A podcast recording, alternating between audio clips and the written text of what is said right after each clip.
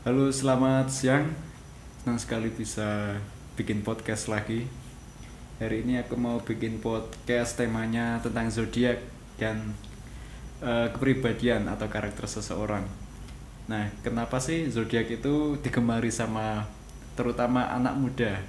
Terus kira-kira relate nggak sama karakter seseorang? Nah, hari ini aku ditemani sama Mas Rizky, sama Neng Cep. Kita akan ngobrol-ngobrol soal zodiak. Halo Mas Rizky. Halo, Halo Denny. gimana kabarnya? Halo, alhamdulillah. Alhamdulillah baik ya. Oke, langsung aja aku langsung ngobrol. Menurut kalian zodiak itu gimana pandangannya? Dari mulai siapa dulu nih? Mas Rizky boleh. Oh ya, dari mulai aku ya. Oke. Uh, zodiak itu melambangkan karakter dan kepribadian. Tapi nggak semuanya itu benar. Nah, nggak semuanya benar kenapa? Nah, di di podcast ini kita akan membahas pro dan kontra tentang deskripsi zodiak itu. Sebenarnya benar nggak sih apa yang digambarkan zodiak itu tuh sesuai dengan si pemilik zodiak itu. Oke, Uh, boleh. Kita akan sedikit debat di sini ya. Jangan-jangan Mas ini bilangnya, oh itu sama kok. Aku tapi nggak setuju seperti itu. Oh iya, siap. Iya. Kalau Mbak Neng Cep seberapa sering ngecek zodiak? Nggak pernah. Oh, nggak pernah malahan. Nggak pernah. Nggak pernah sama sekali. Oh, Oke, boleh boleh. Mungkin kita bisa langsung cek langsung aja ya Mas ya. Dari siapa dulu? Dari Mas Denny dulu aja. Oh ya. Aku lahir 29 Juli Mas, itu masuk Leo. Kira-kira 29 gimana? Juli ya, masuk Yap. Leo. Mm-mm. Leo. Leo itu melambangkan singa. Hmm, Leo bisa dibilang merupakan zodiak yang memiliki sifat yang amat menonjol dari 12 zodiak lengkapnya.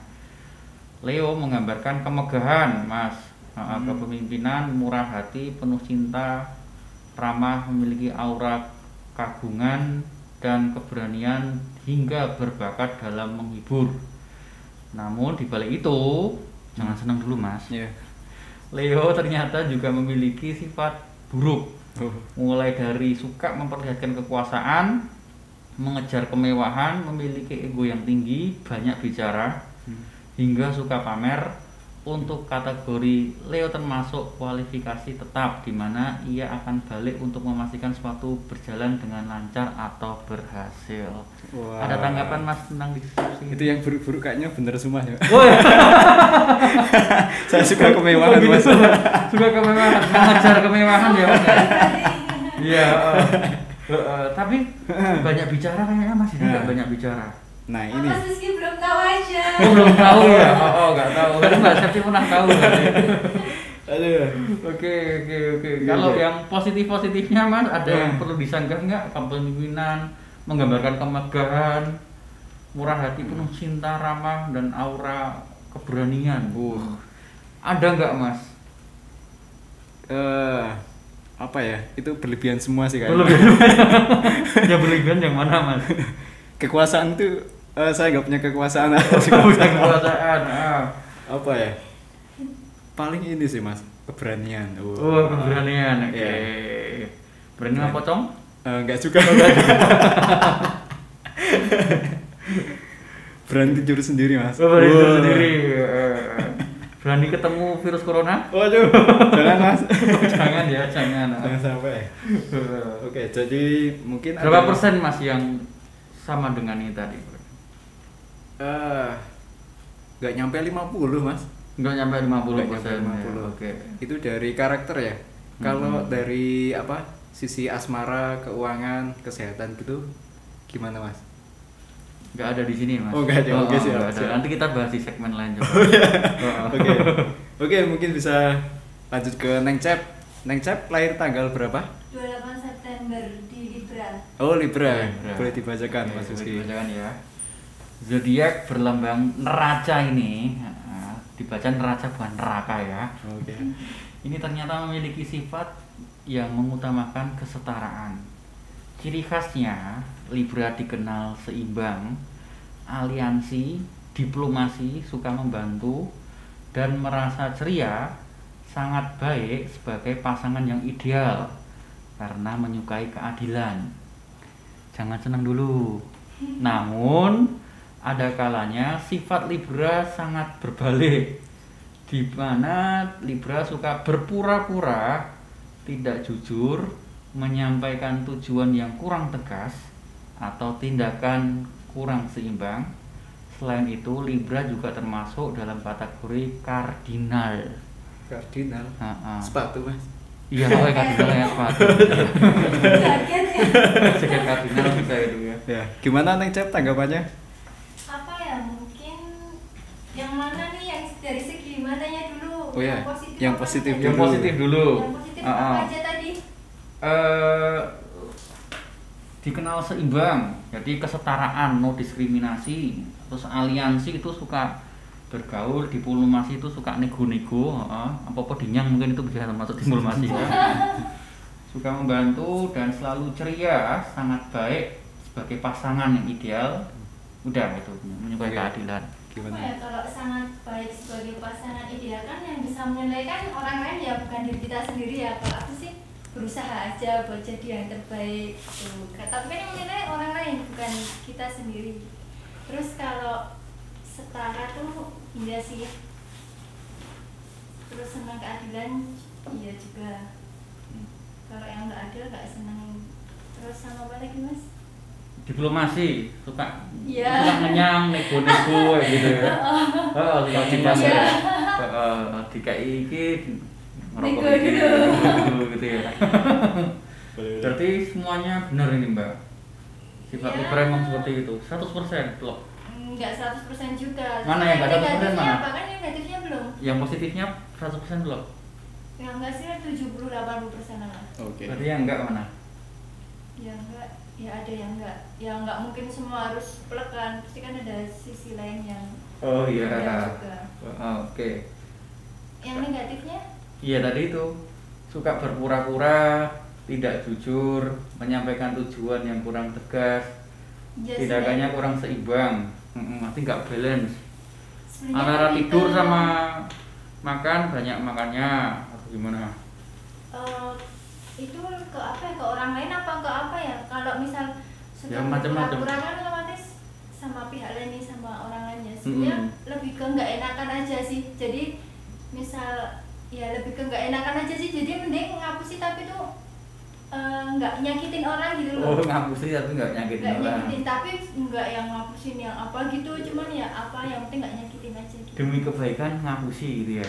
iya Oh, iya. saya kan nggak enakan ya jadinya Iya. ya gimana gitu karena aku tipenya nggak enakan jadi ya Oke. penting ngapusi dikit lah yang penting dia nggak sakit hati Oh, Gitu, jadi akunya aja yang sakit hati Wah, berarti hampir bener semua nih. hampir bener semua ya itu ya. Terus tindakan kurang seimbang mbak. tindakan kurang seimbang Hmm, misalnya porsi yang ini terlalu berlebihan dibandingkan kalau aku sih selama ini berusaha adil ya maksudnya kalau misal mau ngasih ya sebisa mungkin adil gitu Hmm. mau sama ini baik ya sama ini juga harus baik dong Oke. nggak beda-bedain Oh, berarti yang itu kurang tepat. Berarti itu kurang tepat ya. Oke. Oke. Berarti berapa persen Pak totalnya Mbak yang ya sama seperti itu? 80-an lah 70 80 persen. Ini lebih tinggi daripada Mas Heri tadi ya. Iya. Oke. Oke, lanjut Mas Rizky. Zodiak. Iya. Saya. Scorpio Mas. Tanggal berapa? Tanggal 18 November. Oh iya. Deskripsinya ya. Dalam membahas sifat 12 zodiak lengkap itu, Scorpio tentunya juga memiliki sifat yang sangat berciri khas. Zodiak ini melambangkan kolo jengking yang memiliki sifat sangat dekat kaitannya dengan kreativitas. Tidak hanya itu, Scorpio juga memiliki keinginan kuat, kemewahan, punya stamina serta daya sensual yang tinggi hingga memiliki bakat menyembuhkan. Oke. Jangan senang dulu saya. Ya. Meski begitu, Scorpio juga ternyata memiliki sekali cemburu, suka membinasakan diri hingga fanatik. Untuk kategori Scorpio masuk dalam kategori tetap, yakni termasuk zodiak yang stabilitas, ketabahan, ketahanan dan kesempurnaan. Oke. Positif dulu, Mas.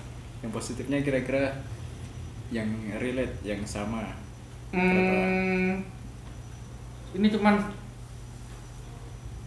40% mas yang sama mas. Oh, ketahanan sensual itu maksudnya. itu itu perlu Relate diuji ya? lagi itu ya tapi yang jelas kalau mempunyai kreativitas sangat dekat dengan kreativitas ya nggak sebegitunya ya mungkin ada kreativitas tapi nggak sebegitunya. Mungkin yang disebut kreativitas mungkin imajinasi tinggi gitu ya. Wah, oh, fantasi Scorpio ya. tuh oh fantasinya seperti itu. Beneran. Suka hati ya berarti ya? Iya.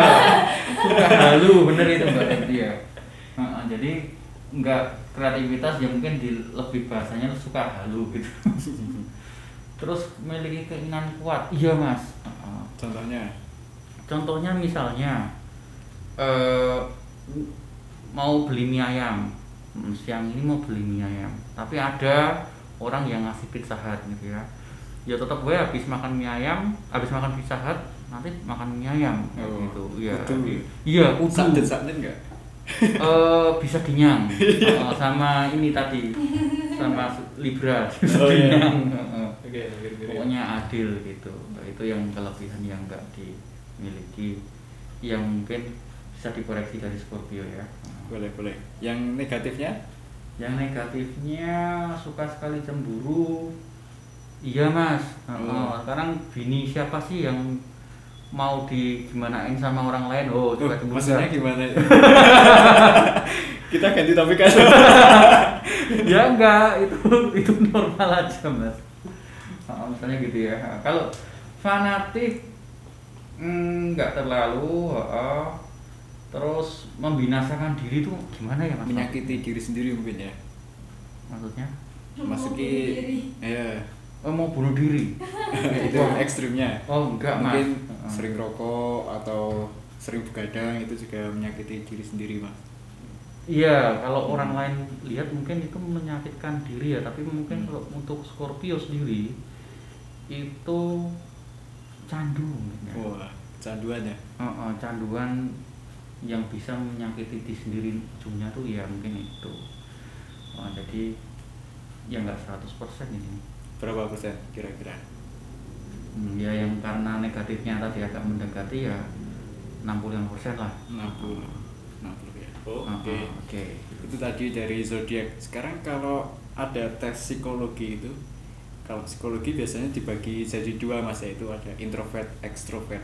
Mm. Nah kita ganti topik sebentar ya. Kita Iya. beralih ke yang tes kepribadian psikologi. Kalau aku sendiri masuk kategori introvert mas. Jadi Mhm. aku lebih seneng apa ya face to face gini berdua daripada Mhm. langsung banyak orang. Ya. Kalau banyak orang energiku langsung habis mas.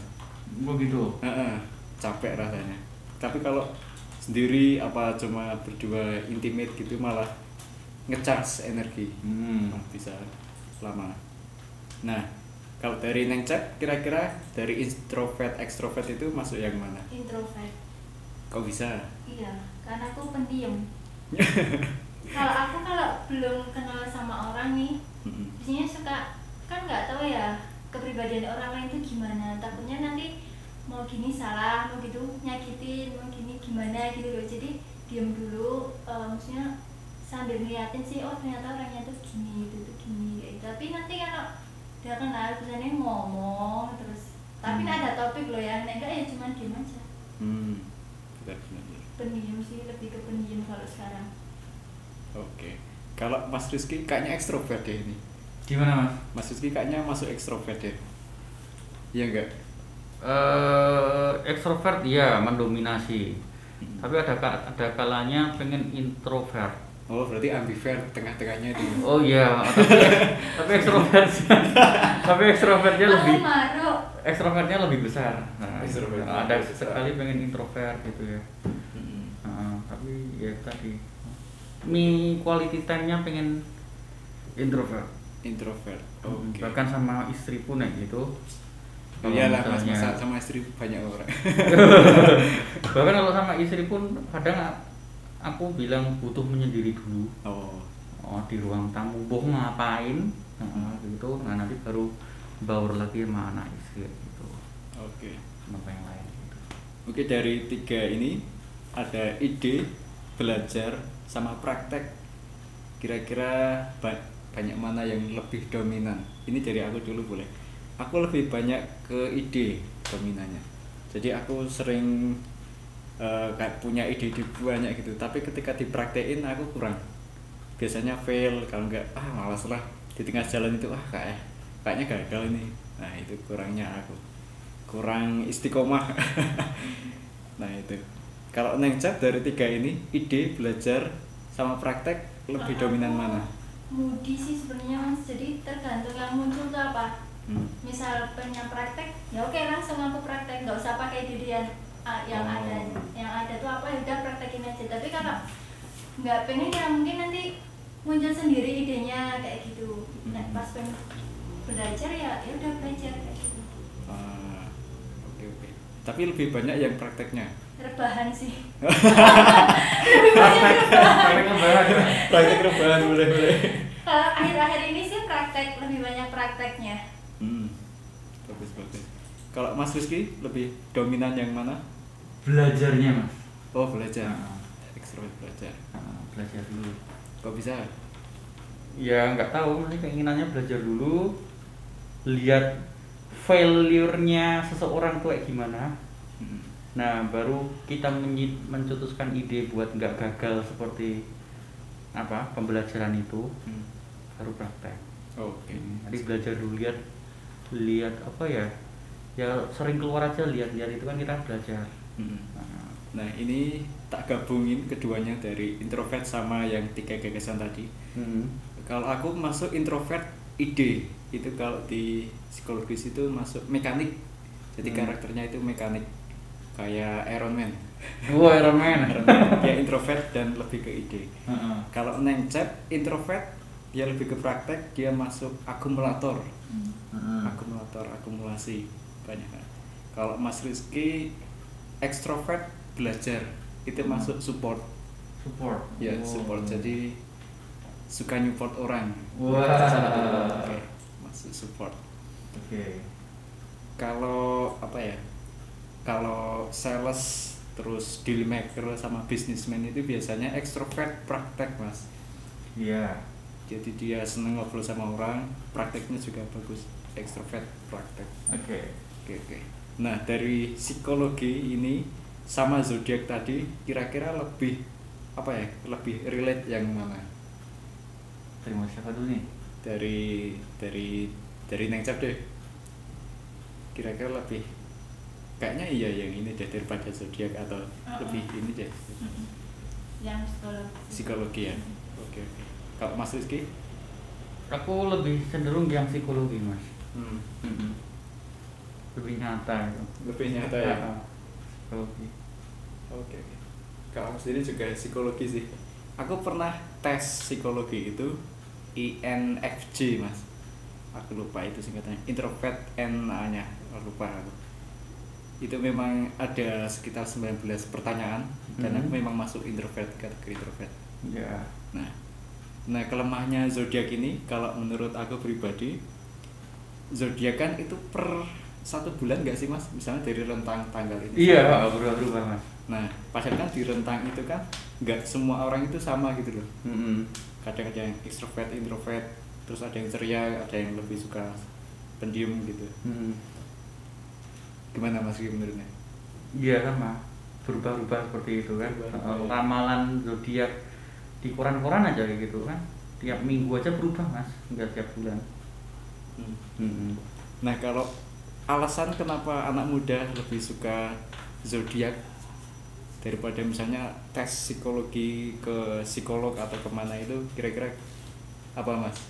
Kenapa banyak digandrungi zodiak ini?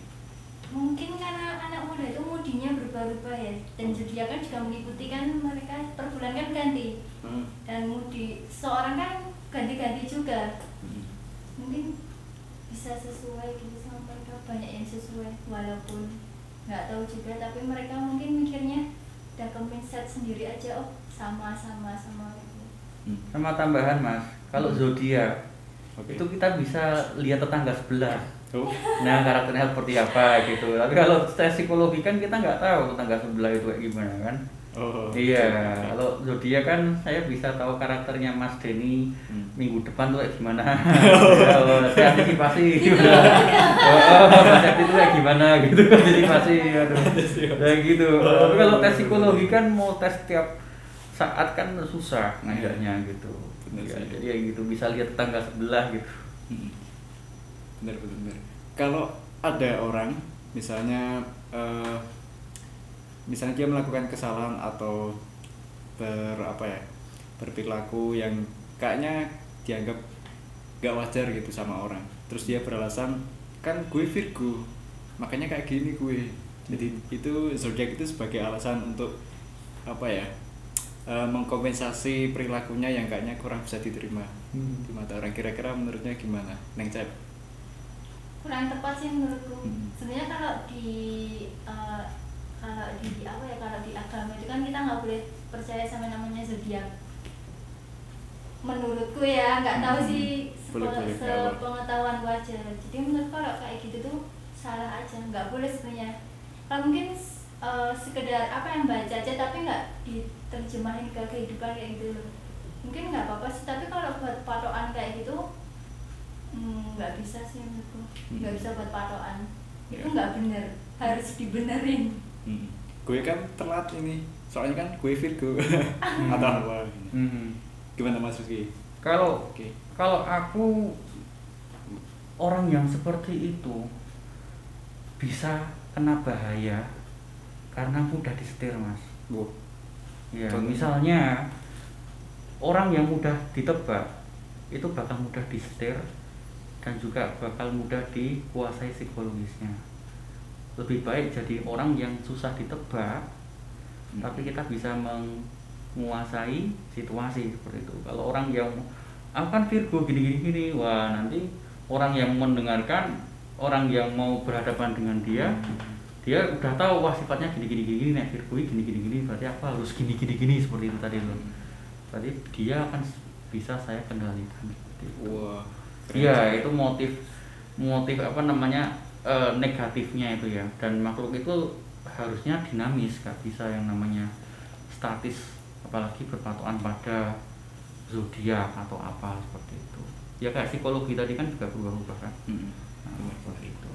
Oke, Ya. itu tadi pendapat eh, mengenai zodiak ya. Kita udah diskusi panjang lebar dan mendapatkan opini yang luar biasa sekali dari Neng Cep dan Mas Rizky. Saya ucapkan terima kasih Ya, podcast kali ini. Denny. Mungkin kesimpulan singkatnya, eh, kepribadian seorang itu mungkin bisa saja berubah sepanjang waktu mungkin karena pengaruh pengalaman, karena lingkungan teman juga. Dan antara zodiak dan tes kepribadian psikologi itu akan terus berkembang, jadi tidak bisa dipatok 100%. Bisa dicoba terus, cek terus lah intinya. Karena manusia itu berkembang dan berubah-ubah. Oke, terima kasih. Selamat siang.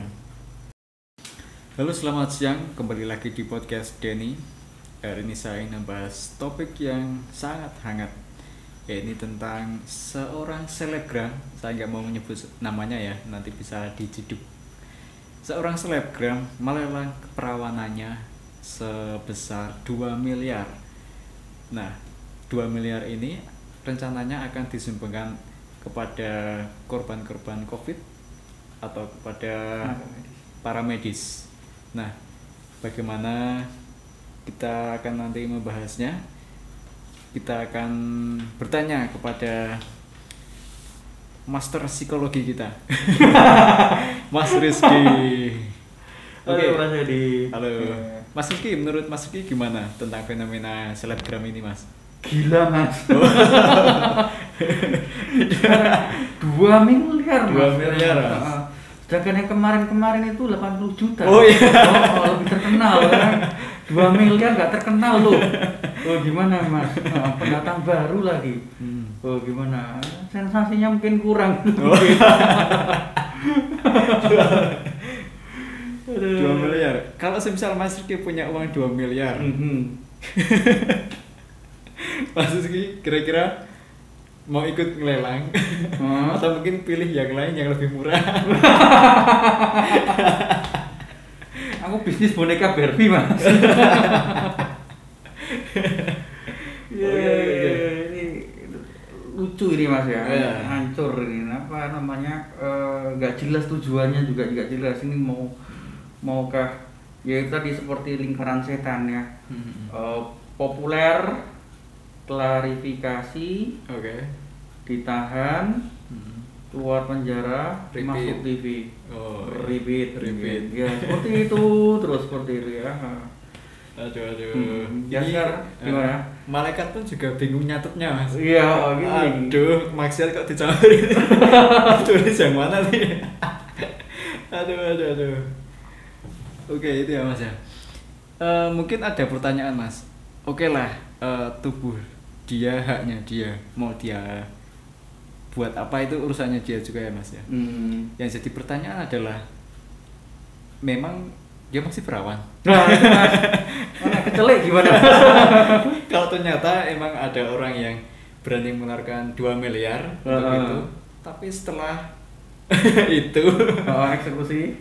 ternyata eh, nggak sesuai ekspektasi. itu kira-kira uangnya bisa cashback atau malah refund?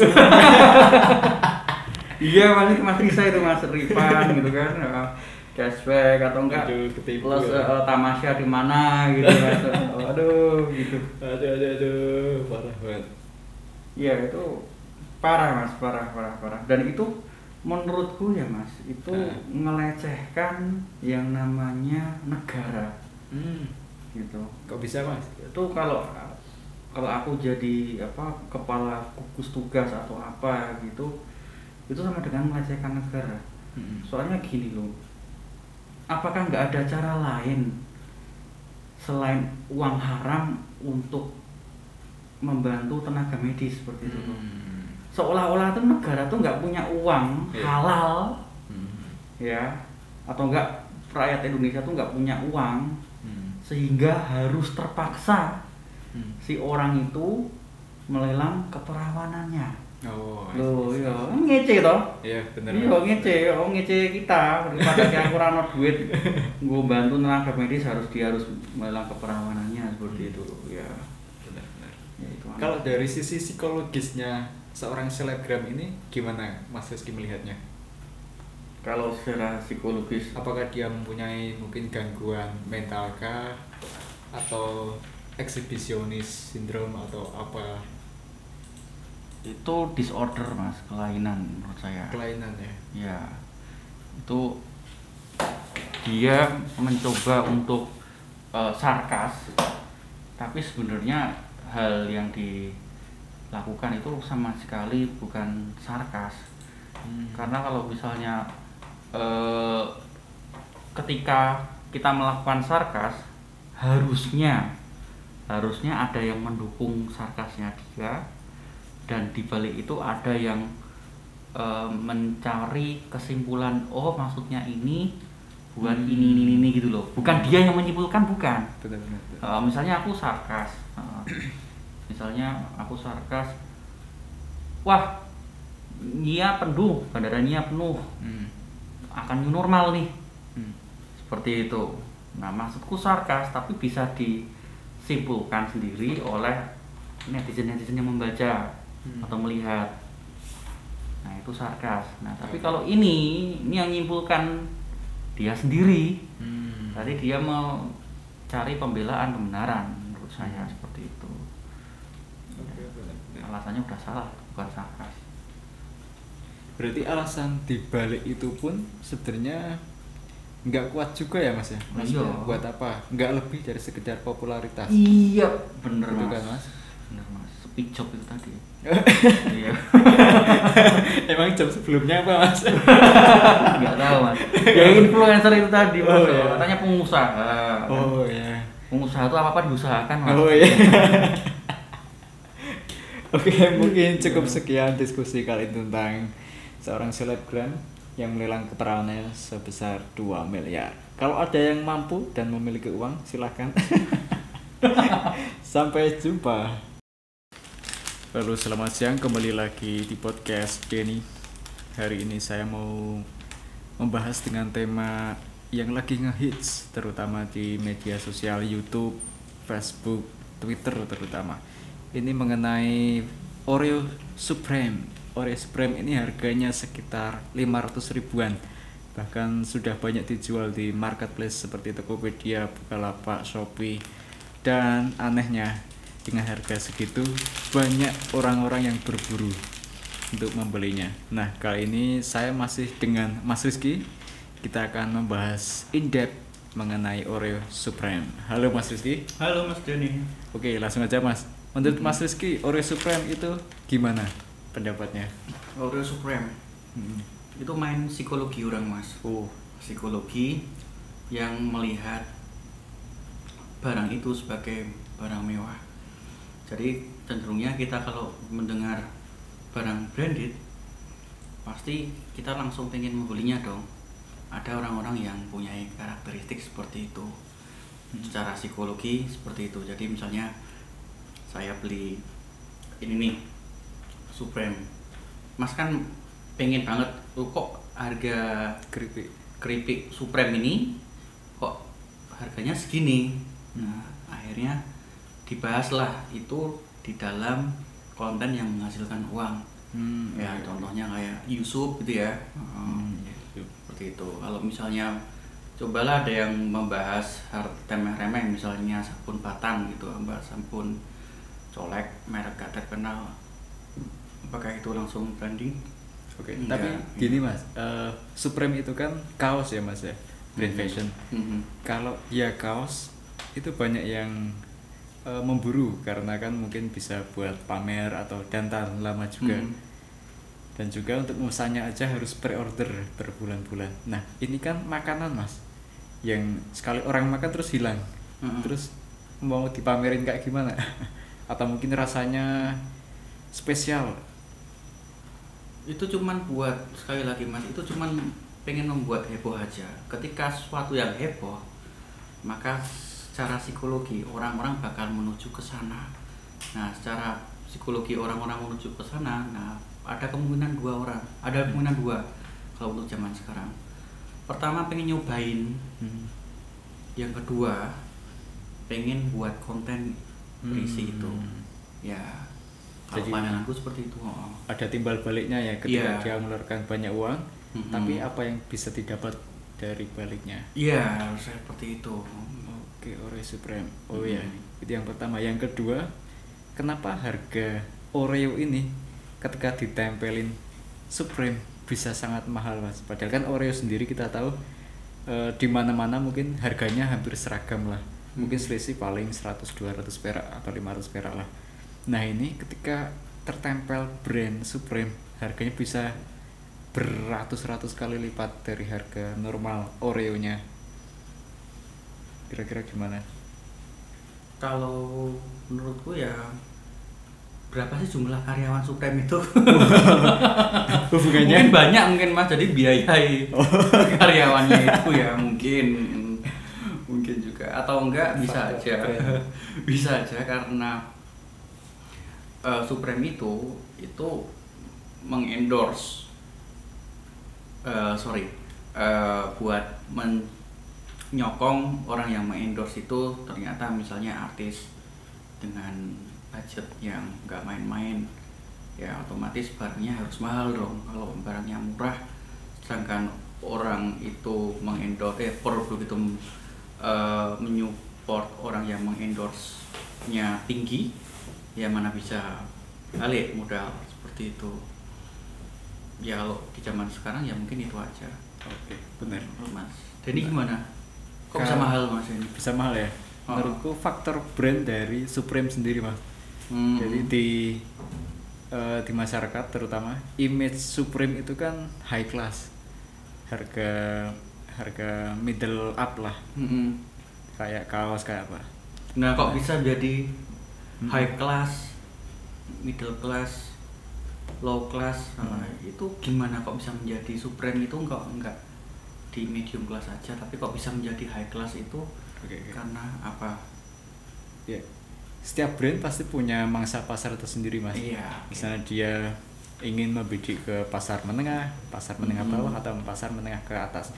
Dan kebetulan Supreme ini memang marketplace, ikan marketplace, market marketnya gitu aja.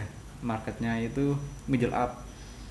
jadi harganya di atas rata-rata dan Hmm. secara kualitas memang bagus nah eh, terbukti ketika ditempelkan ke produk yang bukan fashion seperti Oreo tadi harganya bisa sangat mahal Hmm. jadi bahkan produk-produk yang tidak ada hubungannya dengan fashion saja tertempel brand Supreme itu bisa jadi mahal. Nah kayak gitu mas kalau menurutku. Yang ketiga ya mas ya, Iya. ketiganya eh, fenomena Oreo Supreme ini munculnya malah di masa pandemi. Aha.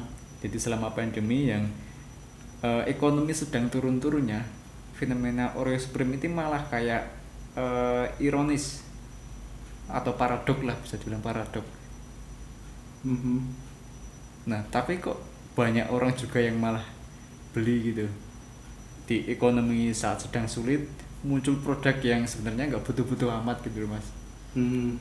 Padahal kan kita tahu selama pandemi ini bah, semua semua bahasa bisa dibilang semua produk branded yang mahal-mahal itu mengalami kerugian dan mungkin eh, hampir tidak ada nilainya karena tidak keluar rumah orang sudah tidak keluar rumah lagi dan barang-barang branded ini semisal tujuannya buat pamer juga nggak bisa juga mas Mhm. jadi turun turun nilainya lah nah menurut Mas Rizky pandangannya gimana Itu Supreme itu menurutku tuh cuman buat simbol pengakuan tuh mas. hmm. Iya, cuman timbal simbol pengakuan. Ini loh di masa pandemi ini aku beli Supreme yang cuman Oreo kayak gini. Hmm. Ya berarti aku orang yang tidak terdampak oleh COVID, Hmm. masih bisa survive di COVID seperti itu. keren keren Ya, benar kalau misalnya orang-orang yang nggak mau beli berarti ya dipandang orang ya ya kamu nggak mampu survive. Nah, Hmm. tapi sekarang gini, sekarang yang diperlihatkan itu ya itu ironis tapi coba orang yang beli Supreme itu coba kamu sarapan, makan siang, makan malam pakai Oreo Supreme coba. Mampu nggak? Seperti itu loh. Uh, tapi kalau sekarang itu orang terlalu cepat menilai dan cepat di trigger orang yang membeli Supreme itu sebagai simbol. Saya nggak ya aku yang nggak sukanya kayak gitu. Simbol bahwa eh, orang yang beli Supreme itu survive di tengah-tengah covid seperti ini orang yang mampu orang yang ya berada di ekonomi atas seperti itu ya terlalu cepat untuk menyimpulkan seperti itu coba kalau sekarang orang-orang yang tadi membeli Supreme satu kali dua kali itu suruh lima hari atau tiga bulan covid ini setiap hari makan Supreme Hmm. Oreo Hmm. uh, dengan semangkok Supreme Oreo seperti itu nah itu baru bisa dikatakan simbol tapi kalau orang-orang yang baru-baru bermunculan saat ini ya cuman mampunya beli satu itu untuk sebagai simbol dan itu dilegitimasi diakui sama orang-orang di luar. Wah keren kayak tuh Supreme satu biji 500 ribu Oreo. Gila itu orang itu. Nah seperti itu. Itu wow keren sekali pendapatnya. Benar benar benar. Nah, Mas ini gimana? Ya, saya sangat setuju dengan pendapatnya Mas Rizky. Jadi Oreo Supreme ini bukan eh, orang membeli itu bukan karena butuh, Mm-mm. tapi karena pengakuan simbol tadi. iya Oke, terima kasih Mas Rizky. Eh, topik kali ini sangat luar biasa Oreo Supreme dan kita membahasnya secara in-depth. Iya. Oke, sampai jumpa